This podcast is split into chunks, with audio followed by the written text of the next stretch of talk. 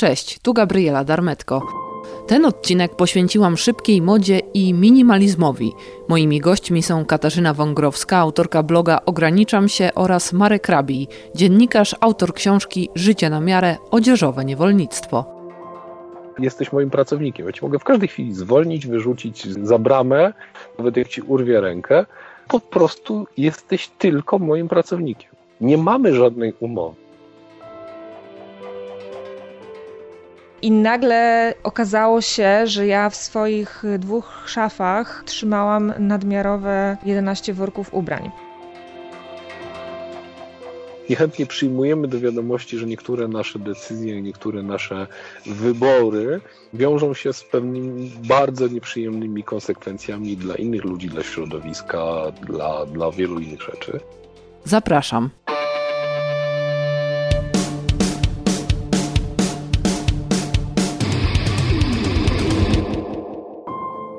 Efektywność, szybkość i nadmiar. Te trzy słowa doskonale opisują świat, w którym jeszcze do niedawna żyliśmy. Teraz nastąpiło przymusowe wyhamowanie. I nagle okazało się, że człowiek jednak nie ma władzy nad światem, a jego nadmierne eksploatowanie może okazać się dla ludzkości zabójcze. Być może to jest właśnie ten moment, w którym powinniśmy przyjrzeć się temu, jak funkcjonujemy. Przez ostatnie tygodnie zobaczyliśmy, że da się żyć bez wielu rzeczy, a to, za czym tęsknimy najbardziej, to kontakt z drugim człowiekiem i przyrodą. Wiadomo też, że ja czy ty nie zmienimy całego świata, ale warto zmienić swoje podejście do pewnych spraw, a szczególnie do nadmiernej konsumpcji. Żeby to zrobić, trzeba poznać mechanizmy, które rządzą czymś, co nazywamy szybką modą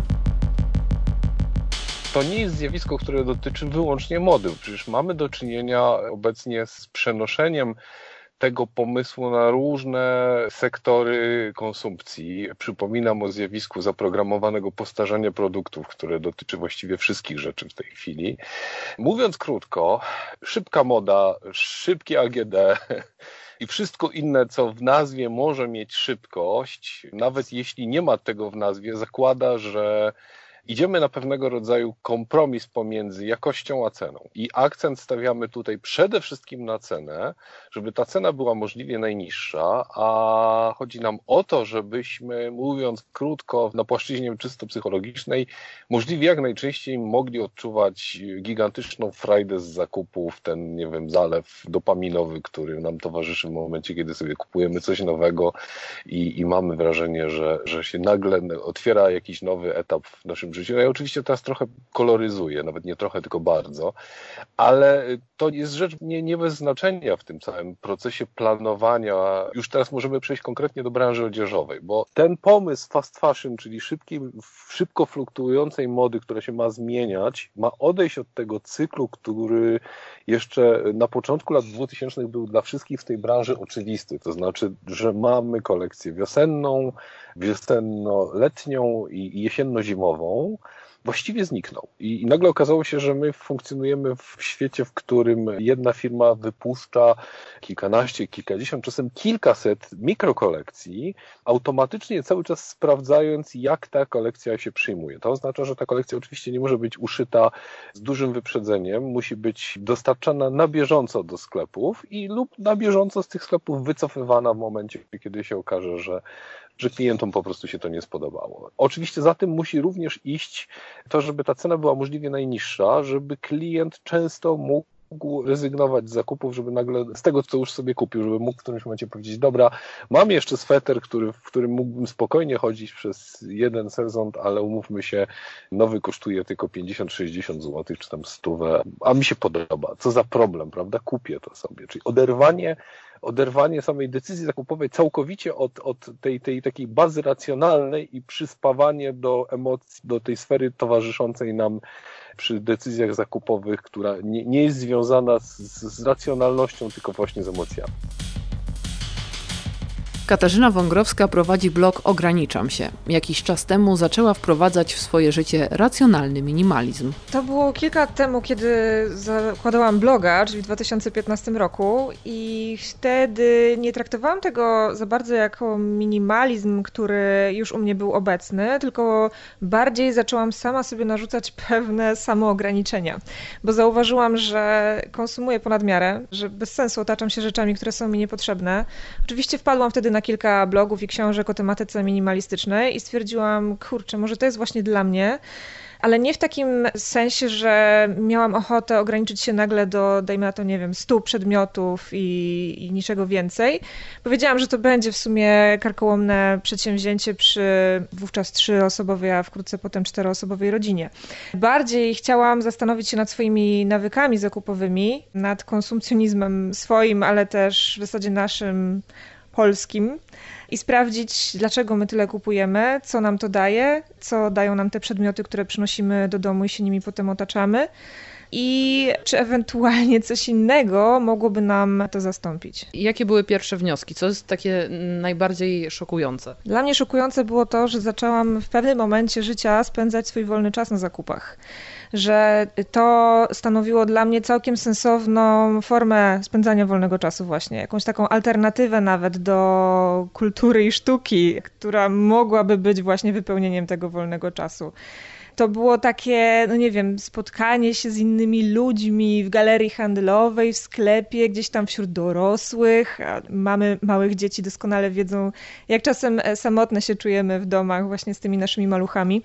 Zamiast gdzieś tam do kina, na ulicę, do parku, czasem szło się właśnie do tego centrum handlowego i, i nieopatrznie kupowało zbyt dużo rzeczy właśnie tych takich niepotrzebnych. No więc wtedy doszłam do wniosku, że po pierwsze to mi trochę zastępuje jakąś formę spędzania wolnego czasu wśród ludzi dorosłych, a nie do końca wiedziałam, co innego mogę zamiast właśnie, dajmy na to, zakupów robić stwierdziłam, że no za często kupuję rzeczy, których właśnie potem nie używam, więc też się zastanawiałam, co dalej z tym zrobić, jak uwolnić się od tego kupowania na przykład nadmiernego ubrań czy książek, które no, nie zawsze miałam czas nawet tak na bieżąco przeczytać i potem gdzieś tam zalegały na półkach czekając na swój moment. Doszłam też do wniosku, że nawet jeżeli bym chciała ograniczyć tą moją konsumpcję i zredukować ten nadmiar, który posiadałam, to ciężko jest znaleźć dla tego nadmiaru ujście.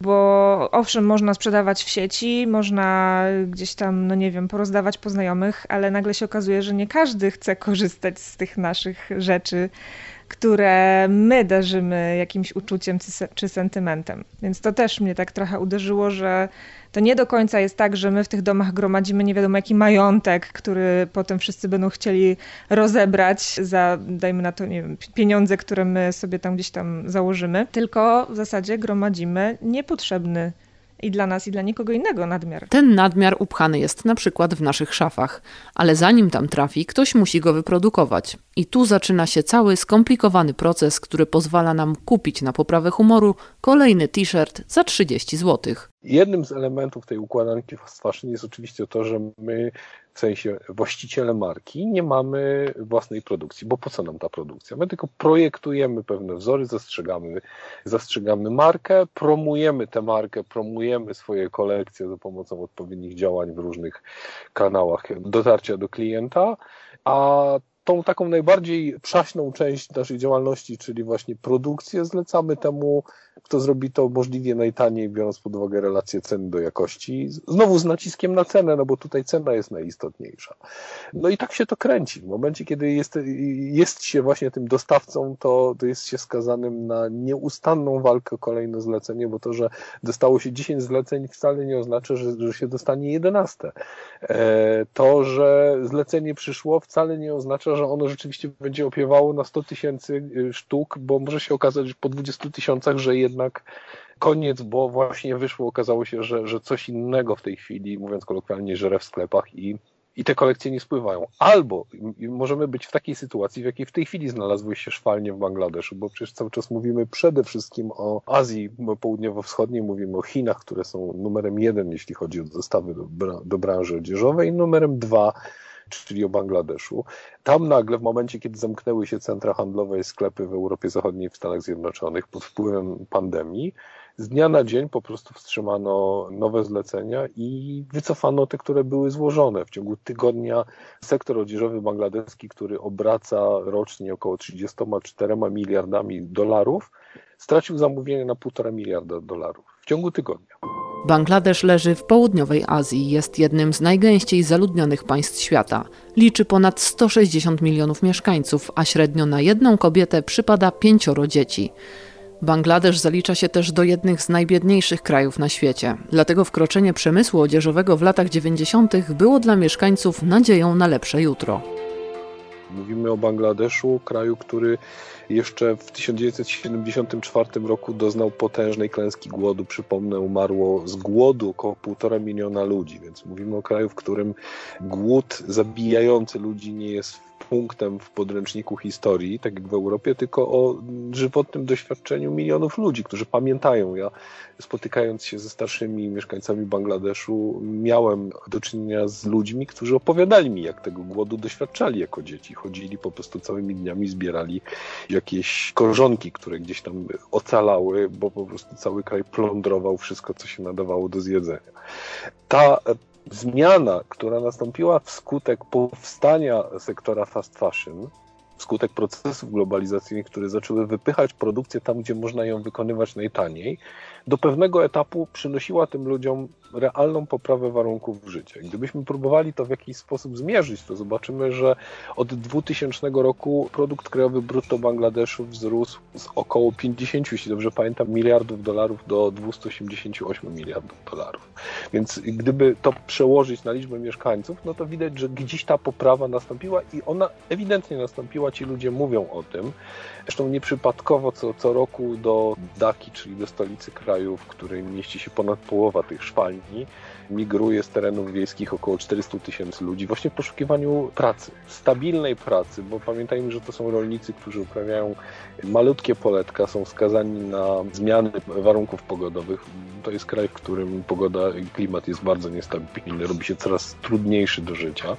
W związku z tym ci ludzie mają niejako swój genotyp społeczny pisany niejako pewną obawę przed tym, co przyniesie przyszłość i przekonanie, że jakby życie nie, nie, nie przebiega linearnie. Co jakiś czas coś się wywala. I paradoksalnie właśnie pierwszą zmianą, której oni doświadczyli, to była ta linearność, którą my znamy w świecie zachodnim za sprawą stabilnej pracy. Znaczy nieważne jak ciężko pracuję, ja co, co miesiąc dostanę, czy tam co tydzień, bo w tych warunkach z reguły pensje wypłaca się tygodniówkami, dostanę jakieś pieniądze. One co prawda nie będą duże, będą właściwie wystarczały mi tylko tyle, żebym mógł opłacić czynsz w osiedlu, które zbudował właściciel fabryki zazwyczaj, czyli właściwie część tych pieniędzy, które płaci mi pracodawca, za chwilę trafia do jego drugiej kieszeni w takim obiegu zamkniętym. Coś mi tam zostanie na, na jedzenie, bardzo skromne, minimalne wręcz wyżywienie, ale będę miał stabilność. To jest szalenie ważne, że nie będę skazany na, na to, czy przyjdzie cyklon, czy będzie susza, czy mi zaleje pole, czy mi ryż urośnie i tak dalej, i tak dalej. To była pierwsza taka fundamentalna zmiana, którą ci ludzie dostrzegli i przez wiele, wiele lat odczuwali te zmiany na lepsze.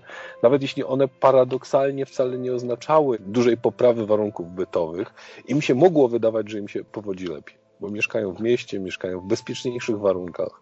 To, co my w tej chwili utożsamiamy z, wsią w świecie zachodnim, czyli jakiś taki bukoliczny obraz przyrody, która jest czymś cennym, zwłaszcza obecnie w kwarantannie, no tam jak się rozmawia z tymi ludźmi, jawi się zupełnie inaczej. To jest coś, co, co jest niebezpieczne, nieprzewidywalne, co może wręcz w którymś momencie zabić.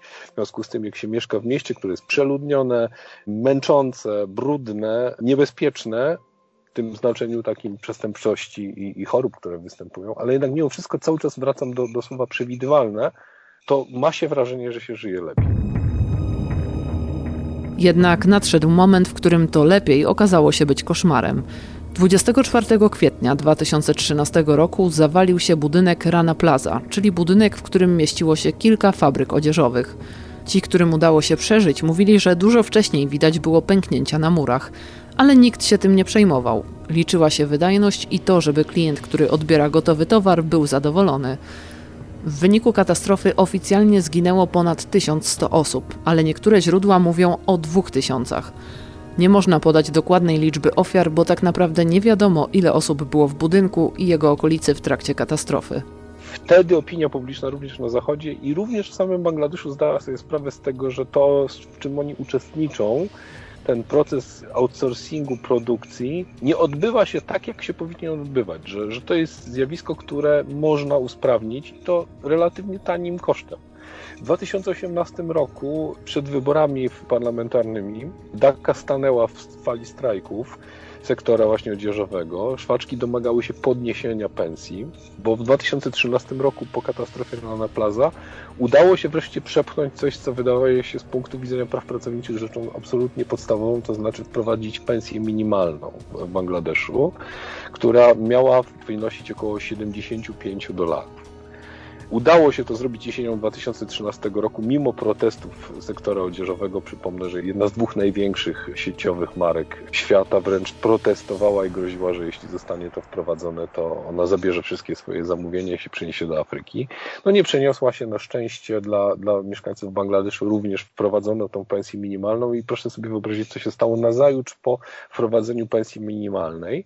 Zresztą na papierze, bo wielu ludzi w ogóle tej pensji minimalnej w praktyce nie zobaczyło okazało się, że nagle podrożały czynsze, podniesiono czynsze, podrożała żywność, ponieważ poszedł komunikat, że kilka milionów mieszkańców tego kraju dostających systematycznie pensje zarabia więcej. Śledząc te zmiany, które mają miejsce w Bangladeszu, mam niestety takie nieprzyjemne e, wrażenie, porównanie, za które zresztą kiedyś dostałem dosyć mocny łomot od jednego z czytelników, który zarzucił mi, że jednak używam terminu nieprzystającego do tematu, którym, o którym mówimy. Ja mam jednak wrażenie, że e, to wszystko, co tam się odbywa, jest bardzo podobne do takiej hodowli przemysłowej. Towarem eksportowym numer jeden Bangladeszu wcale nie jest odzież, tylko tania praca. Tak się akurat złożyło, że akurat ten kraj się wyspecjalizował w produkcji odzieży, ale to równie dobrze mogły być nakrętki, butelki, cokolwiek. Najważniejsze jest to, że tam jest mnóstwo zdesperowanych ludzi gotowych podjąć za naprawdę niewielkie pieniądze każdą pracę nie stawiających żadnych warunków, ponieważ nie mogą ich stawiać i ta nadpodaż rąk do pracy jest tak duża, że właściwie w dowolnym momencie każdy pracodawca może powiedzieć na twoje miejsce mam jeszcze kilku innych. Teraz jeszcze na to proszę zauważyć nakłada się robotyzacja, bo fast fashion to jest też efektywność. Już zapomnijmy o pojęciu sweatshop, o którym jeszcze parę lat temu mówiliśmy cały czas, ilekroć się pojawił temat outsourcingu, przenoszenia produkcji, zwłaszcza w branży odzieżowej do Azji Południowej południowo-wschodniej. Sweatshopy, pojęcie XIX-wieczne wymyślone w odniesieniu do tak naprawdę warsztatów otaczających przemysłowy Manchester, kompletnie nie przystaje do współczesnej Dhaki, ale nie dlatego, że, że to jest inna branża, tylko dlatego, że to jest inna, inna skala działalności. Fast fashion oczekuje wysokiej jakości, powtarzalności produktu. On nie musi być dobrej jakości w znaczeniu y, produktu końcowego. On się będzie rwał. Zaplanowana powtarzalność oznacza, że ten produkt ma się zepsuć w odpowiednim momencie, czyli nie może się zepsuć wcześniej, prawda?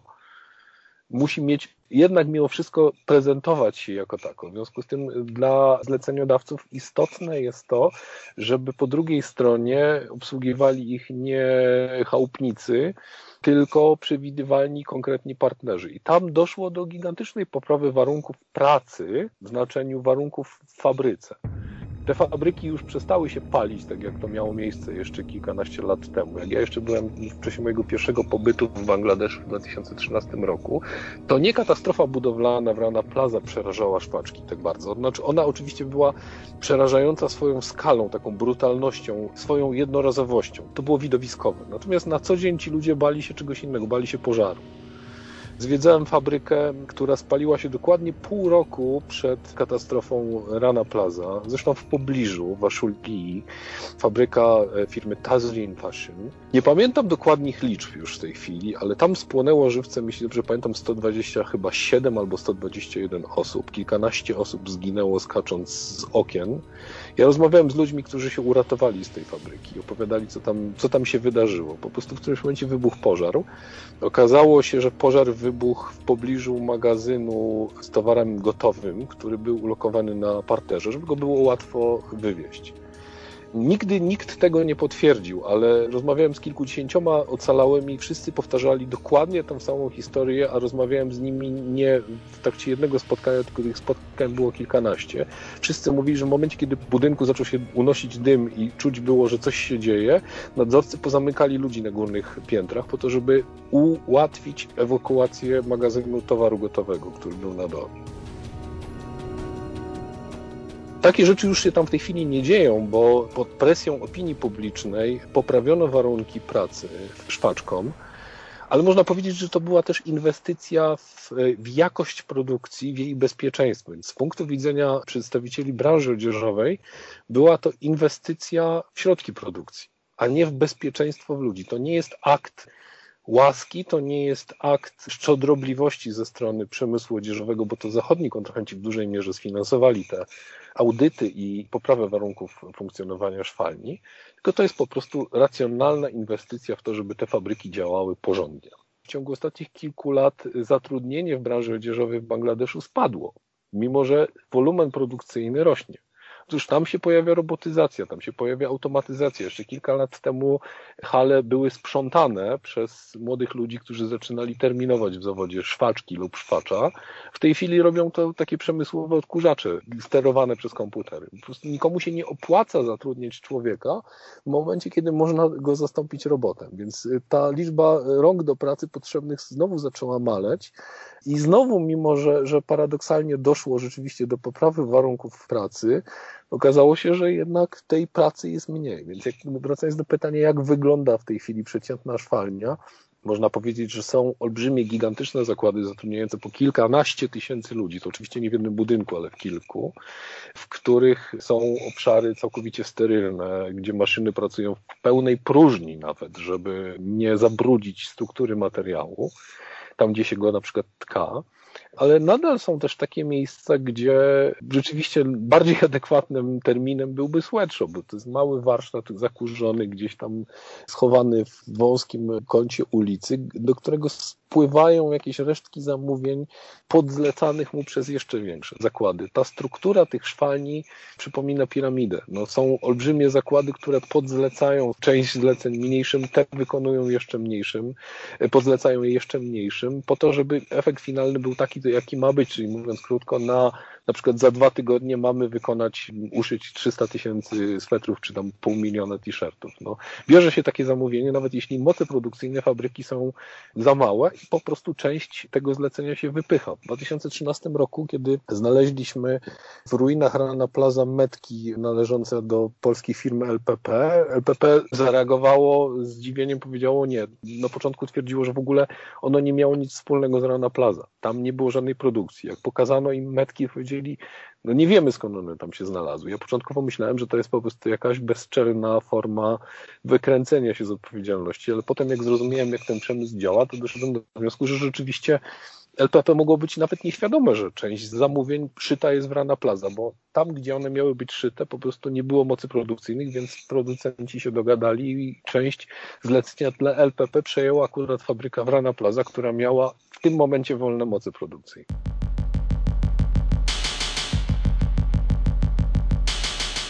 Otoczenie jest znacznie lepsze. Fabryki już nie płoną, e, mają zabezpieczenia przeciwpożarowe, e, gdzie niegdzie jest klimatyzacja, pojawiają się oczywiście jakieś pierwociny takich rozwiązań socjalnych typu kuchnie.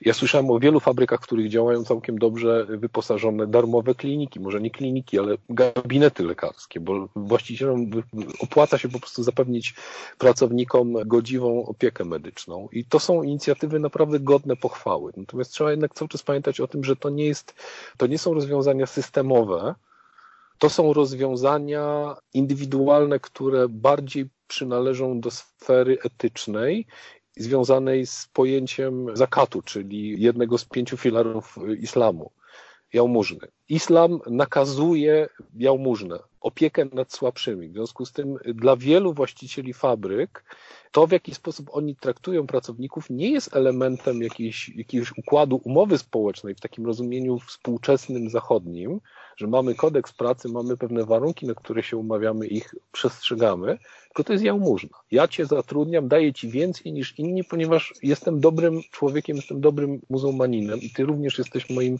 bratem w wierze ale to nie jest mój, mój oblik w związku z tym, że jesteś moim pracownikiem. Ja ci mogę w każdej chwili zwolnić, wyrzucić za bramę, nawet jak ci urwie rękę. Po prostu jesteś tylko moim pracownikiem. Nie mamy żadnej umowy.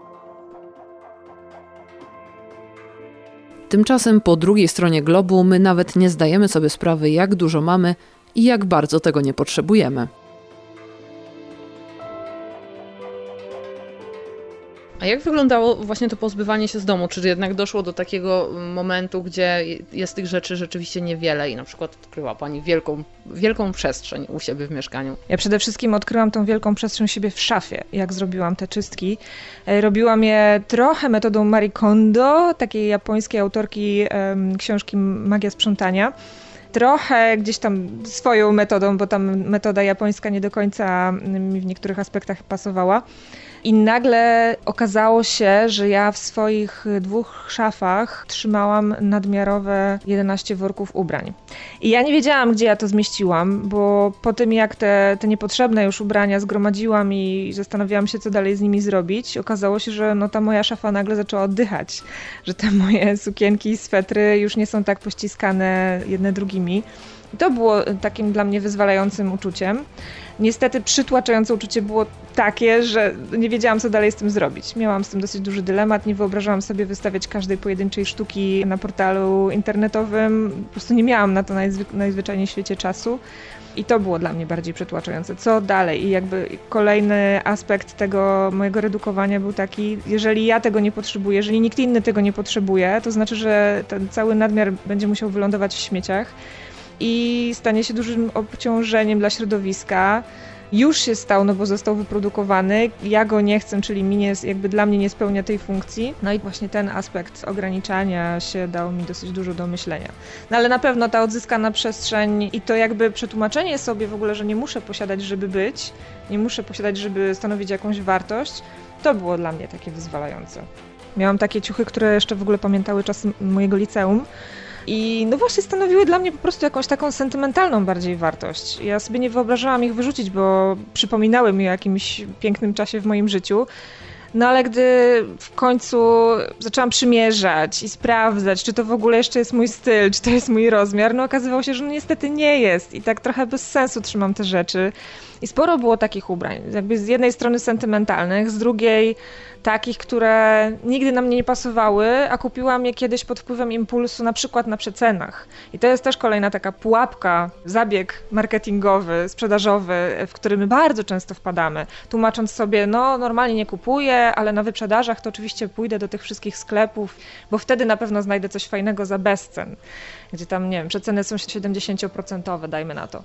A potem okazuje się, że, że wcale nie, że przez to, że te zakupy były na tyle spontaniczne, że właśnie nieplanowane, to okazuje się, że te rzeczy w ogóle do niczego nam potem nie pasują i wcale nie chcemy tego nosić. Przeterminowują się w ogóle po jednym sezonie, bo, bo są jakieś egzotyczne wzory, które normalnie do żadnych klasycznych ubrań nie będą pasowały. No i tak, i miałam rzeczywiście sporo takich ubrań, które gdzieś tam stanowiły jakiś znak czasu sprzed iluś tam lat, takiego czasu, który po prostu przeminął i, i być może wróci dopiero, nie wiem, za kolejne 20 lat, jak moda będzie wracać. Żeby wyprodukować jeden t-shirt potrzeba 2700 litrów wody. To tyle, ile jeden człowiek wypije przez 900 dni. Jest takie powiedzenie już aż zgrane do imentu, aż wstyd je cytować, ale jest w nim sporo prawdy, chociaż to jest oczywiście przerysowanie, że kolor sezonu można rozpoznać po kolorze wody w rzece. Branża odzieżowa rozwinęła się w Bangladeszu i w ogóle w Azji Południowo-Wschodniej. Ten outsourcing produkcji tak ładnie się rozwinął, głównie ze względu na to, że tam nie było żadnych ograniczeń, żadnych reguł gry. Jeśli chce mieć Pani tani produkt, to on musi być wytworzony tanio, bo inaczej nie będzie tani. A żeby był tani, to musi być tani na etapie produkcji no i w to wchodzi zarówno koszt pracy, ale też koszt wytworzenia produktu, dostaw, koszty przechowywania i uwzględnienie na przykład kosztów środowiskowych. Gdyby przeciętna szwalnia w Bangladeszu musiała być podpięta do oczyszczalni ścieków, to musiałaby płacić za tę, za tę usługę. Ewentualnie musiałaby zbudować tę oczyszczalnię ścieków. W momencie, kiedy te ścieki może odprowadzić bezpośrednio do wód gruntowych, do najbliższej rzeki, gdziekolwiek, problem znika, prawda? Ponieważ obniżamy koszty. Z racji tego, że był to kraj bardzo zaniedbany, jeśli chodzi o uprzemysłowienie, na etapie rolnym, ja nie chcę używać jakichś epitetów, no ale to tak naprawdę była gospodarka gdzieś porównywalna jeszcze w latach 70. z gospodarką XIX-wieczną, może nawet XVIII-wieczną. W związku z tym zapas środowiskowy wydawał się mieszkańcom Bangladeszu i podobnie mieszkańcom Chin bardzo duży. Wydawało się, że środowisko to jest coś, co można eksploatować w miarę bezpiecznie i bezkarnie, bez większych ograniczeń. No my już w tej chwili wiemy, że, że tak naprawdę ten przyrost następuje bardzo gwałtownie. Im większe są nakłady, właściwie może obciążenia dla środowiska, tym szybciej następuje ten moment załamania. Ten moment załamania właśnie przyszedł kilka lat temu. Władze w Dace zrozumiały, że funkcjonowanie w szwalni w samym mieście powoduje gigantyczne problemy zdrowotne, w związku z tym należy wypychać te, te, te szwalnie poza, poza miasto. Robiono to za pomocą odpowiednich narzędzi podatkowych, po prostu dostawali fabrykanci ulgi za przeniesienie produkcji poza samą stolicę. Tam poprawia się sytuacja, jeśli chodzi o warunki pracy, również z tego względu, że to jest pewien problem, który również zaczęli dostrzegać konsumenci zachodni, zaczęli naciskać na, na firmy i pytać, przepraszam, w jakich warunkach wy to produkujecie. My chcemy zobaczyć ten zakład, jak on funkcjonuje. My chcemy nie tylko wiedzieć, czy tam są gaśnice i czy, czy ludzie mają co jeść, ale też chcemy mieć pewność, że wasze t-shirty w trakcie farbowania nie, nie, nie niszczą najbliższej rzeki. Ta presja gdzieś tam w, w znikomym stopniu zaczyna oddziaływać, zaczyna, zaczyna kapać na, na ulicę i przynosić jakieś efekty, ale one są jednak dość znikome. To jest dalej jeszcze bardzo rabunkowa, chaotyczna gospodarka zasobami naturalnymi. O wiele lepiej paradoksalnie sytuacja wygląda w tej chwili w Chinach, bo Chiny sobie po prostu centralnie zdały sprawę z tego, jak bardzo się zapętliły w tym swoim właśnie pogoni za rozwojem kosztem środowiska naturalnego. No i teraz po prostu już nacisk ze strony rządu jest taki, że wiele tych zakładów po prostu musi dbać o, o ekologię.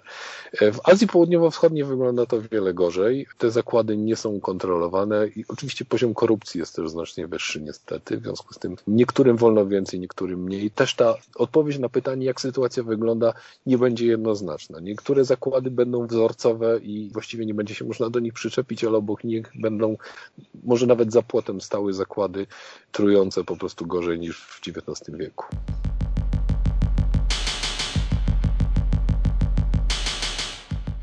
Obecna sytuacja związana z lockdownem i ze wstrzymaniem zamówień w Bangladeszu bardzo pokazuje dobitnie całą złożoność tego procesu. Procesy globalizacyjne tak naprawdę odpowiadają naszym, to jest moje zdanie, naszym wewnętrznym potrzebom. Znaczy my mamy potrzebę komfortu psychicznego, to jest pierwsza sprawa podstawowa rzecz, której potrzebujemy. Chcemy przewidywalności, chcemy bezpieczeństwa, ale również tego, żeby pewne rzeczy odbywały się w pewnym sensie poza naszą świadomością.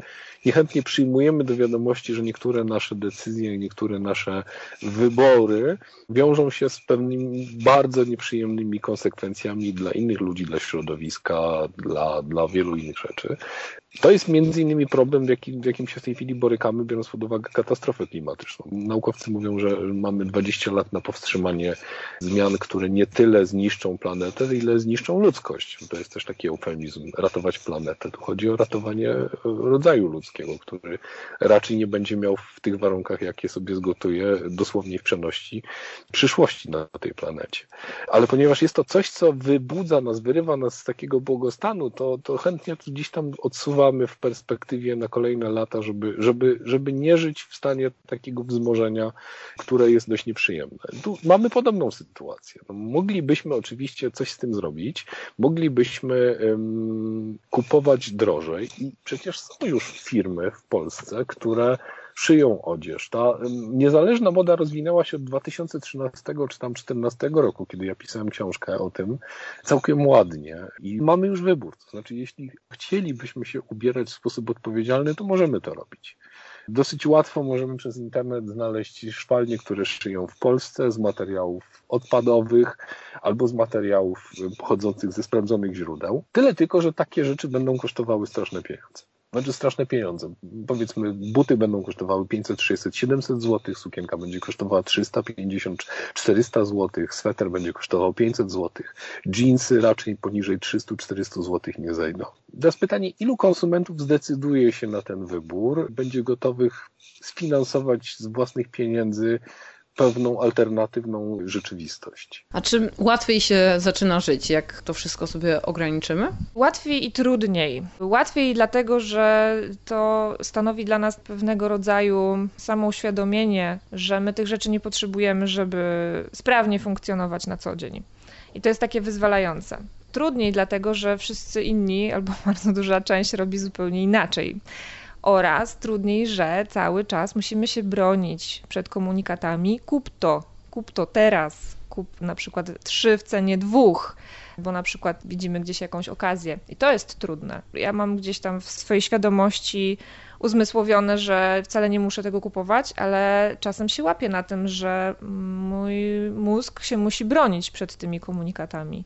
Tak samo zresztą, jak się spotykam z innymi ludźmi, i rozmowa toczy się na przykład wokół zakupów, albo słyszę, że a, ktoś w tym miesiącu wydał tyle pieniędzy, że nie wie, czy mu starczy do, do pierwszego. To ja się zastanawiam, kurczę, ale na co? Znam czasem te osoby, wiem, że, że wcale nie potrzebują zbyt wielu rzeczy, żeby, żeby żyć, żeby sprawnie funkcjonować. No więc to jest o tyle trudne, że to kupowanie i otaczanie się przedmiotami jest taką częścią wpisaną trochę już w naszą kulturę kulturę związaną z gospodarką kapitalistyczną, no, temu się nie da zaprzeczyć. I czasem trudno się od tego wyzwolić i tak totalnie odciąć. Z drugiej strony pojawiają się głosy, że ten kryzys wywołany w tej chwili koronawirusem może właśnie doprowadzić do zmiany metod funkcjonowania branży odzieżowej, zwłaszcza, bo ona w tej chwili stanęła właściwie zamrożona. Duże koncerny odzieżowe są jednymi z największych przegranych tej sytuacji, w której się w tej chwili znalazły. Tylko zastanówmy się, co tak naprawdę one mogłyby zmienić w swoim modelu działania, jeśli te procesy globalizacyjne, o których mówiliśmy wcześniej, właśnie są lekarstwem i ratunkiem dla nich w sytuacji takiej, w jakiej się znalazły. Bo jeśli zamknięto centra handlowe, duże firmy odzieżowe zachowały się w taki sposób, w jaki zaplanowały sobie łańcuchy dostaw. Mechanizm outsourcingu produkcji jest wpisany również bezpiecznik, który mówi, że na wypadek, gdyby nam się tutaj coś wydarzyło, to my wstrzymujemy zamówienia, dziękujemy, do widzenia. Zabieramy swoje pieniądze, swoje zabawki i wracamy do kraju. To się w tej chwili dzieje, tak jak mówiłem. W Bangladeszu wstrzymano dostawy. Kilkaset tysięcy ludzi z dnia na dzień straciło pracę. Nikt o nich nie pyta, nikt się nimi nie przejmuje w Polsce. Również konsumenci się tym nie przejmują, bo i dlaczego mieliby się przejmować, zajęci własnymi problemami. Gdyby te marki odzieżowe, o których mówimy, które mają zamknięte sklepy w zamkniętych centrach handlowych, miały również szwalnie w Polsce i zatrudniałyby szwaczki w Polsce, to nie byłyby w stanie sobie tego zamknięcia, odcięcia od klientów tak łatwo zrekompensować zatrzymaniem kosztów produkcji. Musiałyby dalej płacić pensje szwaczkom, musiałyby wejść w spór ze związkami zawodowymi, ogłosić zwolnienia grupowe, ogłosić redukcję pensji. To wymagałoby czasu. Tam wystarczył jeden mail. Słuchajcie, drodzy kontrahenci, nie odbieramy zleceń od Was, nie zlecamy Wam kolejnych do odwołania, ponieważ nie wiemy, kiedy będziemy mogli handlować.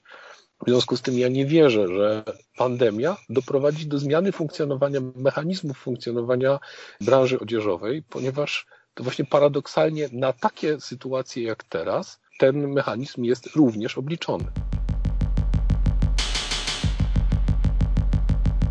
Jak będzie wyglądać nasz świat, kiedy problem koronawirusa zostanie rozwiązany, nie wiadomo. Jednak warto przyjrzeć się swoim decyzjom zakupowym i robić to bardziej racjonalnie.